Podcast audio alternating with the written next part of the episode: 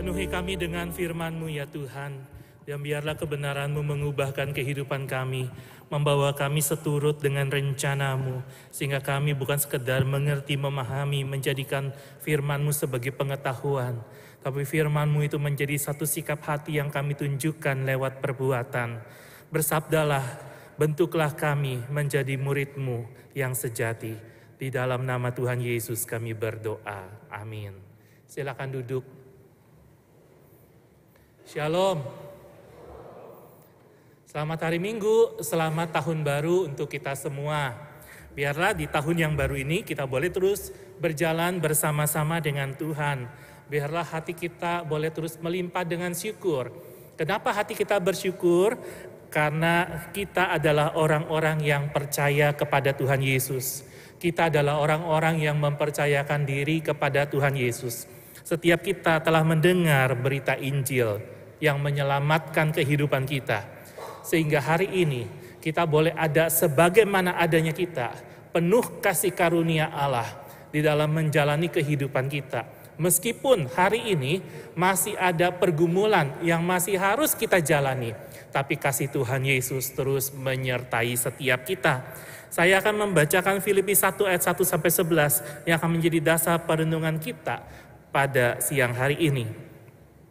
Dari Paulus dan Timotius, hamba-hamba Kristus Yesus kepada semua orang kudus dalam Kristus Yesus di Filipi, dengan para pengawas jemaat dan diaken. Anugerah dan damai sejahtera dari Allah Bapa kita dan dari Tuhan Yesus Kristus menyertai kamu. Aku mengucap syukur kepada Allahku setiap kali aku mengingat kamu. Setiap kali aku berdoa untuk kamu semua, aku selalu berdoa dengan sukacita Aku mengucap syukur kepada Allahku karena peran sertamu dalam pengabaran Injil, mulai dari hari pertama sampai sekarang ini. Mengenai hal ini aku yakin bahwa ia yang memulai pekerjaan yang baik di antara kamu akan meneruskannya sampai akhirnya selesai pada hari Kristus Yesus.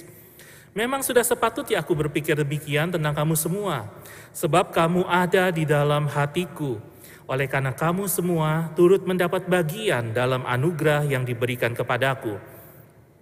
Baik pada waktu aku dipenjarakan maupun pada waktu aku membela dan meneguhkan Injil. Sebab Allah adalah saksiku betapa aku dengan kasih mesra Kristus Yesus merindukan kamu sekalian. Inilah doaku, semoga kasihmu makin melimpah dalam pengetahuan yang benar dan dalam segala macam pengertian sehingga kamu dapat memilih apa yang baik, supaya kamu suci dan tak bercacat menjelang hari Kristus, penuh dengan buah kebenaran yang dikerjakan oleh Yesus Kristus untuk memuliakan dan memuji Allah. Sedemikian jauh pembacaan firman Tuhan. Saudara-saudara yang dikasih oleh Tuhan, Injil menyebabkan hati yang bersyukur. Itu akan menjadi perenungan kita. Ya, jadi mengawali tahun ini, mari kita ingat kembali apa yang dapat kita lakukan dan bagaimana kita menjalani kehidupan sepanjang tahun ini. Mari kita menjalani dengan hati yang bersyukur. Kenapa dengan hati yang bersyukur? Karena ada berita Injil. Injil menyebabkan hati yang bersyukur. Yang pertama, hati yang bersyukur karena berita Injil menyelamatkan dan mengubahkan kehidupan kita. Roma 1 ayat 16 mengatakan, Injil adalah kekuatan Allah yang menyelamatkan setiap orang percaya. Saudara dan saya mendengar berita Injil, saudara menerima anugerah Tuhan, mengundang Tuhan Yesus masuk dalam hidupan saudara, memperbaharui hidup saudara. Hidup saudara menjadi hidup yang berbeda, hidup yang tidak lagi sama dengan hidup yang dulu.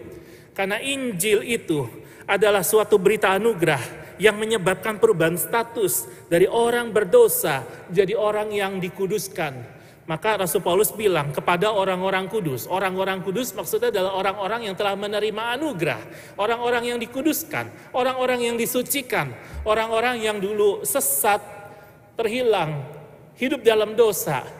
Sekarang dipulihkan menjadi orang kesayangan, menjadi orang yang dimuliakan, menjadi orang yang punya pengharapan, orang yang punya satu kehidupan yang baru, yang lama sudah berlalu, yang baru sudah datang. Itulah hidup saudara dan saya, itulah hidup kita di dalam Kristus, karena ada berita Injil yang disampaikan, ada berita Injil yang pernah kita dengar. Hari ini saudara dan saya menjadi orang yang percaya kepada Tuhan Yesus. Apakah hati yang bersyukur itu? Hati yang mula-mula itu. Hati yang pertama kali waktu percaya Tuhan Yesus, maka kita senang luar biasa. Terima kasih Tuhan, aku orang berdosa, tapi aku dikasihi, aku diterima apa adanya, aku diampuni, aku dipulihkan, aku diangkat lagi dari jurang dosa. Aku dikasih hidup baru, aku dikasih pengharapan. Terima kasih Tuhan. Apakah hati yang bersyukur seperti itu? Hati yang mula-mula itu masih ada dalam kehidupan percaya kita hari ini. Jangan-jangan dalam perjalanan kehidupan kita sebagai orang percaya, hatinya udah mulai beda. Hatinya bukan lagi hati yang pasrah dan percaya sepenuhnya kepada Tuhan, karena apa? Karena kita menerima anugerahnya itu luar biasa indah dalam hidup kita. Tapi mungkin dalam perjalanan hidup kita menjadi orang percaya, hatinya mulai berubah. Hatinya tergantung situasi dan kondisi. Kalau situasinya lagi baik, oke lah percaya sama Tuhan. Tapi kalau situasinya lagi kurang baik, maka kita mencari jalan pintas. Tidak lagi mempercayakan diri kita kepada Tuhan, lupa bahwa apa yang dulu pernah kita syukuri karena kita yang tidak layak tapi dilayakkan untuk menerima anugerah. Lupa bahwa hari ini kita masih orang-orang yang diberi anugerah. Lalu, apakah status sebagai orang yang dikuduskan itu, status sebagai orang yang dibenarkan di hadapan Allah itu, menjadi prioritas maintenance rohani kita? Bukankah kerohanian itu perlu dipelihara? Sama misalnya begini, ruangan ibadah ini. Coba kalau misalnya dalam waktu tiga bulan, enam bulan, itu tidak pernah dibersihin. Nggak pernah disedot debunya, nggak pernah disapu, nggak pernah dipel. Saudara mau nggak masuk ke dalam ruangan ini lalu saudara duduk di kursinya? Enggak kan? Saudara pasti akan cari tisu basah, betul ya? Saudara akan lap-lap dulu, ih tubuhnya tebel banget, betul kan? Saudara kalau pergi ke rumah makan aja, apa yang saudara lakukan pertama kali ketika walaupun mejanya mungkin sudah rapi, apa yang saudara lakukan? Saudara ambil tisu kan? Lap-lap kan, betul kan? Atau keluarin tisu basah kan? Lap lagi kan? Eh ternyata ini masih kotor. Dan ternyata aku yang bersihin malah lebih bersih. Harusnya mereka hire kita kan, betul?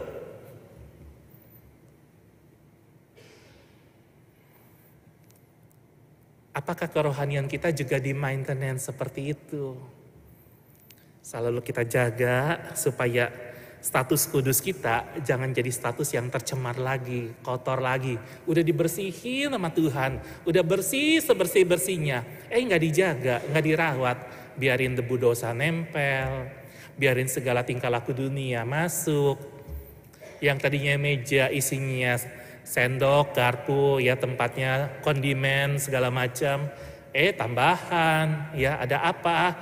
Ya ada ini dan ada itu, ada centong dan lain sebagainya. Jadi apakah status kudus itu menjadi prioritas maintenance rohani kita? Maka baik sekali di awal tahun ini kita menantang diri kita sendiri. Hai engkau orang-orang yang dikuduskan oleh Tuhan Apakah engkau mau menjadikan kerohanianmu, kekudusan hidupmu sebagai sebuah proses maintenance rohani yang terus-menerus berlangsung sepanjang tahun ini. Supaya jangan sampai kita jadi orang yang puas rohani. Hanya karena kita pikir kita sudah rajin datang ke gereja, kita pelayanan, kita jadi pengurus, kita kasih persembahan, kita kasih persepuluhan, kita ringan tangan membantu pekerjaan Tuhan. Lalu kita pikir bahwa kondisi rohani kita sudah baik-baik saja. Saudara-saudara sekalian, kita perlu menjaga kerohanian kita supaya status sebagai orang kudus itu betul-betul bukan cuma praktek kegiatan doang, tapi yang innernya tuh hilang. Kenapa? Kita tenggelam dengan semua kesibukan dan kita akhirnya tidak sibuk sama Tuhan. Kita lebih sibuk dengan kegiatan yang rohani, tapi kita nggak menyibukkan diri dengan Tuhan. Sehingga lupa untuk tanya, aku sebagai orang yang dikuduskan, aku mesti gimana di hadapan Tuhan? Sebagai orang yang dikuduskan, apa yang harus aku lakukan untuk menjaga kekudusan hidupku? Sebagai orang yang dikuduskan, bagaimana aku harusnya berelasi sama Tuhan? Dan itu semua dimulai dengan hati yang bersyukur. Karena ingat ada berita Injil yang pernah kita dengar itu. Itulah yang mengobarkan semangat kita. Karena ada berita Injil yang menyelamatkan, mengubahkan hidup kita, mengubah status kita dari orang berdosa jadi orang merdeka. Maka aku rindu, aku rindu mau selalu menjaga kerohanian hidupku. Yang kedua, Injil menyebabkan hati yang bersyukur. Hati yang bersyukur karena apa? Hati yang bersyukur karena ada orang-orang lainnya yang juga menerima anugerah melalui berita Injil. Jadi bukan hanya kita, bukan hanya saudara, bukan hanya saya yang boleh percaya kepada Tuhan, yang boleh menerima anugerah Tuhan. Ternyata Tuhan juga memberikan banyak orang percaya di sekitar kita yang juga menerima anugerah Tuhan sehingga mereka boleh menjadi percaya kepada Tuhan Yesus. Yang Paulus lakukan adalah setiap kali dia mengingat orang percaya yang ada di kota Filipi itu, dia mengucap syukur. Mungkin kalau sambil dia bayangin si ini, si ini, si ini lalu dia bilang, "Terima kasih Tuhan Yesus." Terima kasih untuk mereka. Karena mereka juga boleh menjadi percaya. Dan waktu Paulus ingat mereka, dia bukan hanya mengucap syukur. Ayat keempat tadi mengatakan, Paulus berdoa bagi mereka dengan penuh sukacita. Jadi waktu ingat doain. Doain dengan penuh sukacita. Ya. Hati yang senang. Hati yang senang ingat orang, hati yang senang doain orang. Dan ada ucapan berkat untuk sesama orang percaya. Jadi yang diomongin adalah perkataan yang baik, perkataan yang membangun, perkataan yang jadi berkat. Bukannya perkataan yang melemahkan, yang menghinakan, yang melemahkan, yang menghancurkan. Itu bukan perkataan orang percaya. Itu bukan perkataan orang yang sudah dikuduskan. Itu bukan perkataan orang yang menerima berita Injil. Orang yang menerima berita Injil, menerima berita anugerah, akan menyampaikan kata-kata yang menjadi berkat, kata-kata yang dipenuhi oleh anugerah Tuhan kepada sesama. Oleh sebab itu, perenungan kita adalah: apakah engkau sudah mendoakan orang percaya yang ada di sekitarmu? Udah belum doain orang percaya yang ada di sekitar kita? Nggak usah jauh-jauh deh. Kita nggak usah berdoa buat yang di luar pulau di sana, di negeri anta beranta. Yang ada dalam ruangan ini dulu, yang ikut KU3. Udah saling kenal belum kanan kiri depan belakangnya? Udah berapa lama saudara ikut KU3? Mungkin saudara tiap hari duduk di kursi yang sama kan tiap hari minggu kan? Udah ada kursi favorit ya. Kalau kursi favorit saya tetap baris pertama, bukan supaya oh ini paling enak ya duduk baris pertama, enggak, karena AC-nya paling dingin di situ. Saudara udah biasa duduk di kursi itu, saudara kenal nggak kiri kanan depan belakang saudara? Pernah bertegur sapa? Mau cari tahu lebih lanjut tentang mereka, sehingga saudara bisa mendoakan mereka, sebab tak kenal maka tak Iya, tak kenal maka tak sayang. Kalau nggak kenal gimana bisa bisa tahu dia mau didoainnya apa? Sementara orang yang jauh di luar sana kita dapat pokok doanya. Doakan supaya ini si ini begini, begini, begini, begini. Betul? Sementara orang-orang yang Tuhan taruh dekat sekitar kita.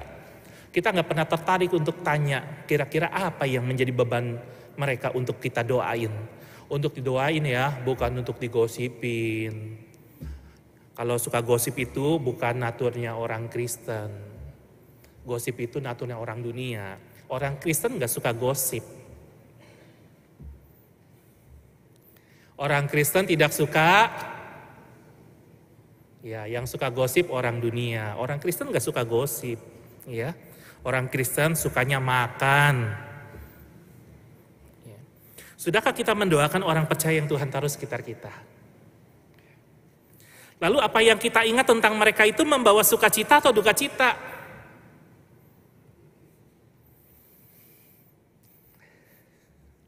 Kalau ingat kalau ingat orang-orang percaya lainnya, orang-orang yang kita kenal lah, orang percaya yang kita kenal. Itu bikin saudara sukacita atau membawa duka cita buat saudara. Ih, jadi kesel setiap kali ingat itu. Dia telah menyakiti hatiku. Dia PHP-in aku. Dia ghosting aku. Bilangnya dia mau kasih kerjaan sama aku, tapi udah 10 bulan purnama berlalu. Kerjaannya dia kasih orang lain. Katanya dia mau ajak aku makan. Eh tapi dia ajak yang lain. Katanya aku selalu ada di hatinya. Tapi ternyata, ternyata, oh ternyata di wallpaper HP-nya ada yang lain. Waktu saudara ingat tentang orang percaya di sekitar saudara itu membawa sukacita atau duka cita. Membawa apa? Ah, membawa apa? Tidak ada yang berani lantang mengatakan kan? Karena hidup kita dipenuhi dengan yang duka cita itu. Setiap kali kita ingat orang lain kita kesel, marah, jengkel. Kenapa? Karena ada hal-hal yang tidak baik yang pernah dia perbuat sama kita dan aku sulit untuk melupakan. Aku sulit juga untuk mengampuni. Pada Kristus terus menerus terus menerus mengampuni. Dan sudahkah menjadikan perkataan kita itu, membagikannya menjadi berkat bagi sesama orang percaya? Perkataan yang baik, perkataan yang membangun, perkataan yang menghibur, perkataan yang menguatkan. Oleh sebab itu lebih bagus saudara pergi ke rumah, lebih bagus pergi ke rumah, ke rumah duka daripada ke rumah pesta. Saya nggak bilang pergi ke rumah pesta nggak bagus, tapi lebih baik pergi ke rumah duka karena di situ saudara dapat menghibur orang yang berduka. Orang yang lagi senang gak perlu dihibur. Saudara turut mengambil bagian dalam sukacita mereka. Tapi kalau ada orang berduka, saudara menghibur mereka. Saudara bukan hanya turut berbagian dalam duka mereka, tapi saudara turut berbagian dalam memberikan pengharapan kepada mereka. Sekarang, Saya tahu sebagian besar mungkin yang duduk kanan kiri depan belakangnya saling kenal kan. Sekarang gak usah jauh-jauh, kita praktekin. Nama yang kanan, nama yang kiri. Ya kecuali kalau satu keluarga deh ya, ya udah mau bilang apa ya. Tanya namanya. Ayo dilakukan. Kalau nggak khotbahnya nggak selesai. Mesti diancam dulu nih emang jemaat kau tiga. Tanya kanan kirinya namanya siapa. Jangan pura-pura pakai nama baru ya, yang YouTube biasa tuh ya, duduk sederet ya biasa ya. Siapa? Uh, Bond, James Bond, enggak ya? Udah tanya kanan kirinya. Sekarang, kita ambil waktu tenang. Nggak usah lama-lama, satu menit aja. Saudara bersyukur untuk kanan kiri depan belakang saudara. Bersyukur karena Tuhan juga menjadikan mereka orang percaya seperti saudara. Kita tundukkan kepala, berdoa untuk kanan kirimu yang tadi udah engkau tanya namanya. Berdoa bersyukur kepada Tuhan karena mereka boleh jadi orang percaya. Kita tundukin kepala.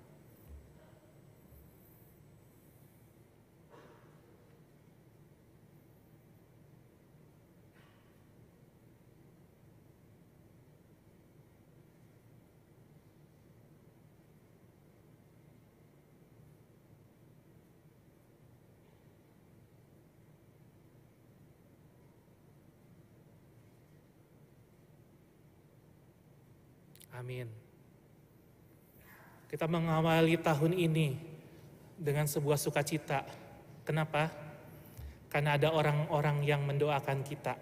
Bersyukur karena kita boleh jadi orang percaya. Tapi kita juga menjalani awal tahun ini dengan sebuah sukacita.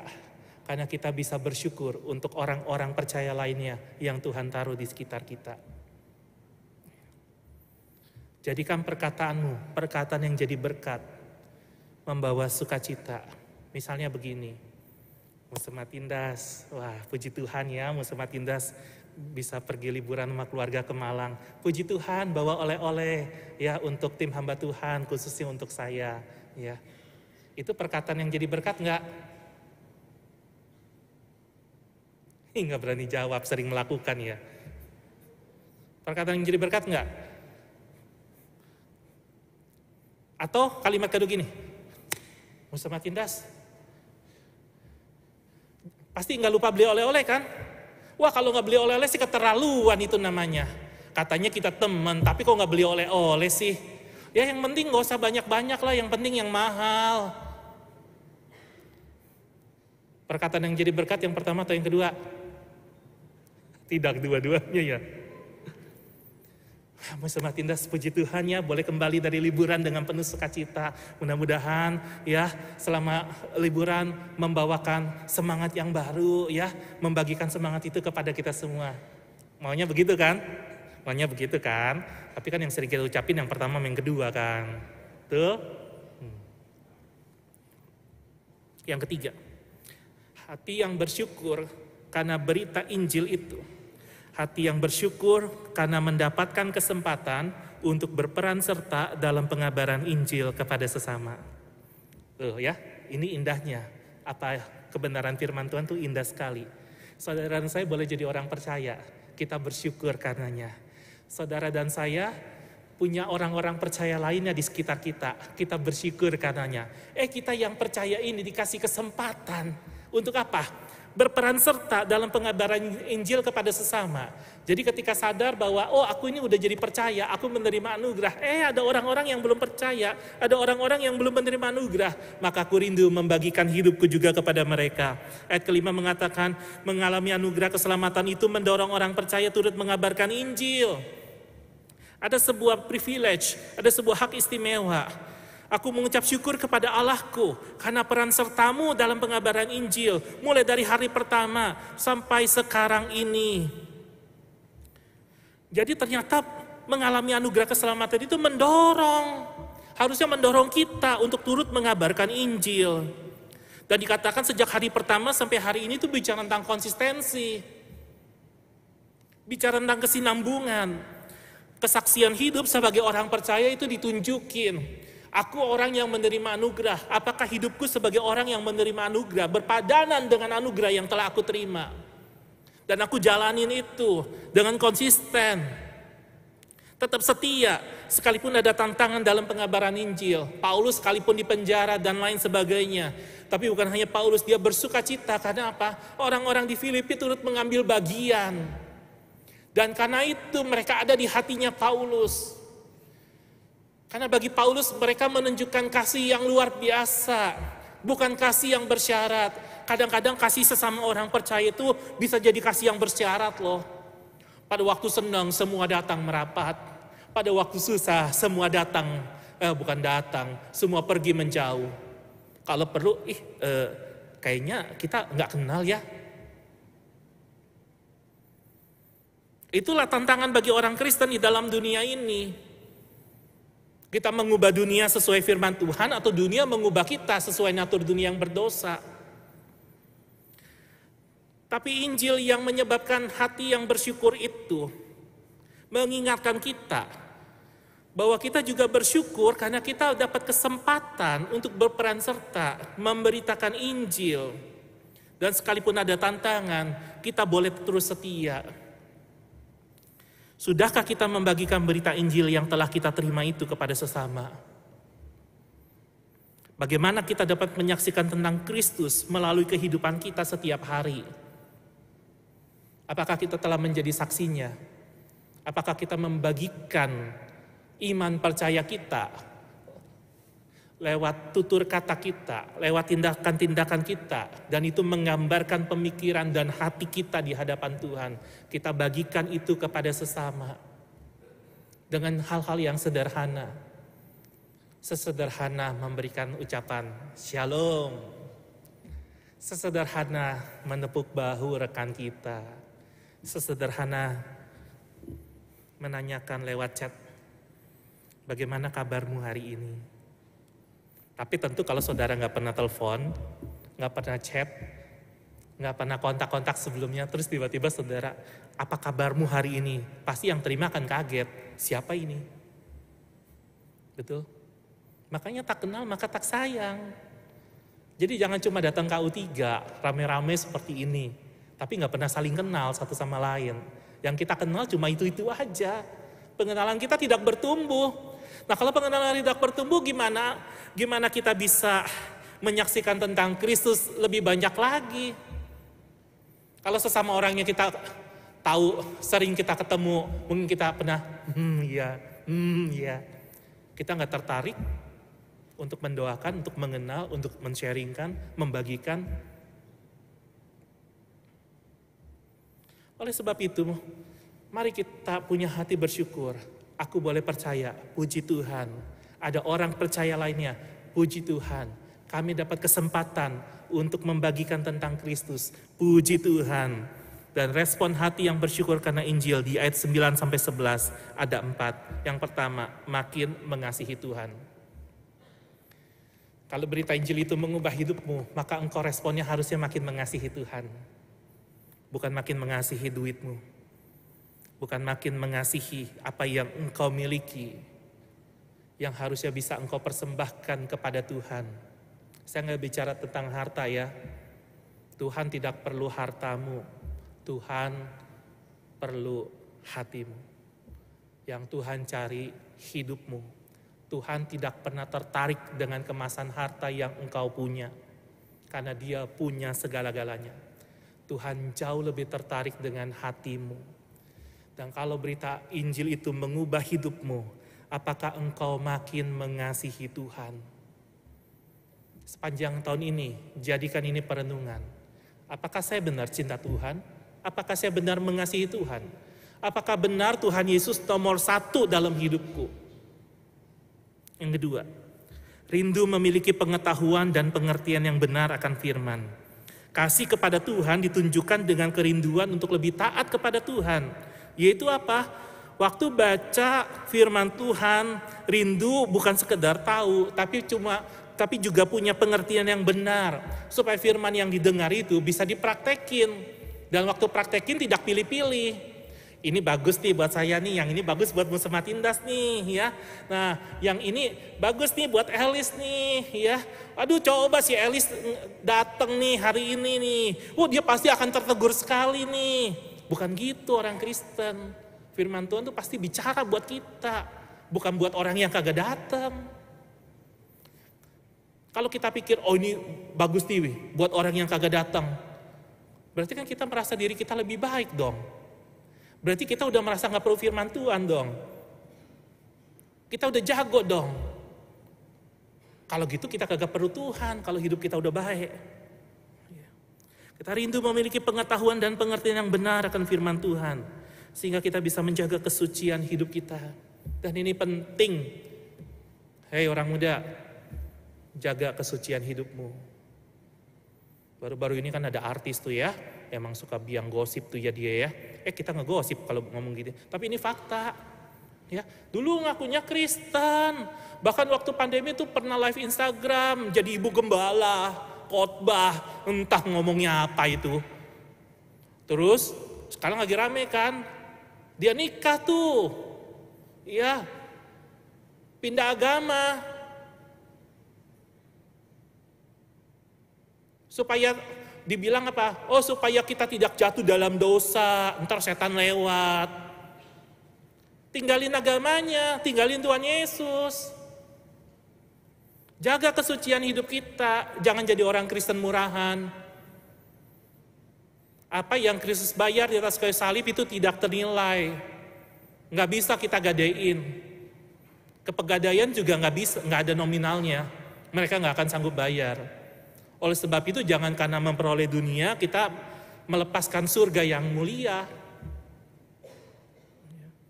Mari kita jaga kesucian hidup kita. Jangan pacaran yang beda agama.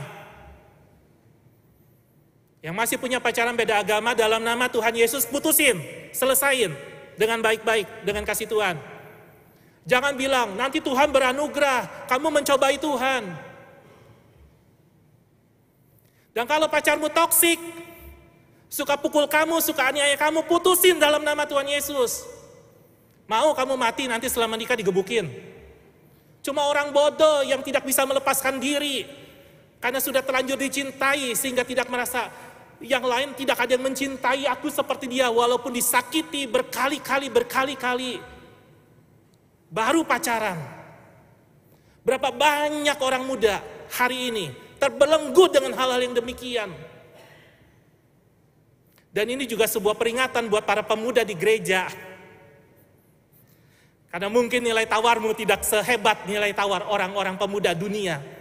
Yang mereka bisa tawarkan semua glamor dan lain sebagainya. Tapi paling tidak ada satu hal yang engkau harus terus tawarkan. Kemurnian hatimu. Karena kasih Tuhan ada dalam hidupmu. Oleh sebab itu, bagaimana engkau menjaga kesucian hidupmu? Engkau harus selalu ingat kalau engkau sayang sama Tuhan Yesus, maka engkau akan mengasihi sesamamu dengan sungguh-sungguh. Dan orang muda dengerin ini baik-baik. Dia yang bilang cinta padamu, harus cinta sama Tuhan Yesus lebih dulu. Kalau dia tidak cinta sama Tuhan Yesus, kalau dia main-main sama Tuhan Yesus, dia juga tidak akan cinta padamu dengan sepenuh hati. Dia juga akan main-main sama kamu. Tidak akan ada yang bisa bantah kebenaran ini. Karena hanya ada orang-orang yang telah mengalami Kristus Yesus saja yang mampu mengasihi dengan cara yang murni karena mereka telah disentuh hatinya oleh berita Injil. Oleh sebab itu jaga kesucian hidupmu. Jangan kompromi. Sepanjang tahun ini jadi jemaat GK Sunter, jadi jemaat yang hadir KU3, Jaga kesucian hidupmu, bukan hanya di dalam gereja, tapi dalam praktek hidup sehari-hari. Tantangan terbesarmu waktu engkau masuk ke dalam pekerjaanmu, waktu engkau berjumpa dengan orang yang belum percaya, waktu engkau berhadapan dengan gaya hidup mereka setiap hari, waktu engkau masuk dalam usaha, setiap kita yang punya usaha, ada kongsi bisnis dan sebagainya, ada relasi bisnis, harus entertain dan lain sebagainya. Hati-hati Jaga kekudusan hidupmu. Karena ada berita Injil dalam hidupmu yang mengubah hidupmu. Tubuhmu adalah bait Allah yang hidup.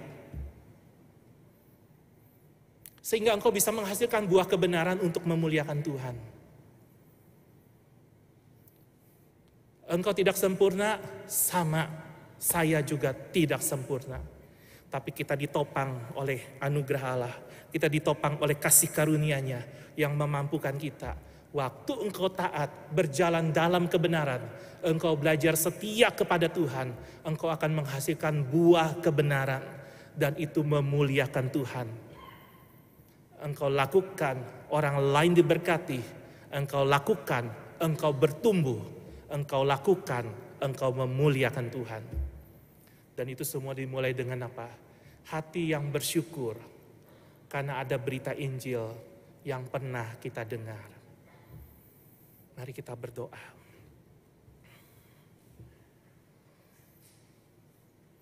Terima kasih untuk berita Injil yang boleh kami dengar. Terima kasih untuk orang percaya lain yang boleh menerima berita anugerah itu juga.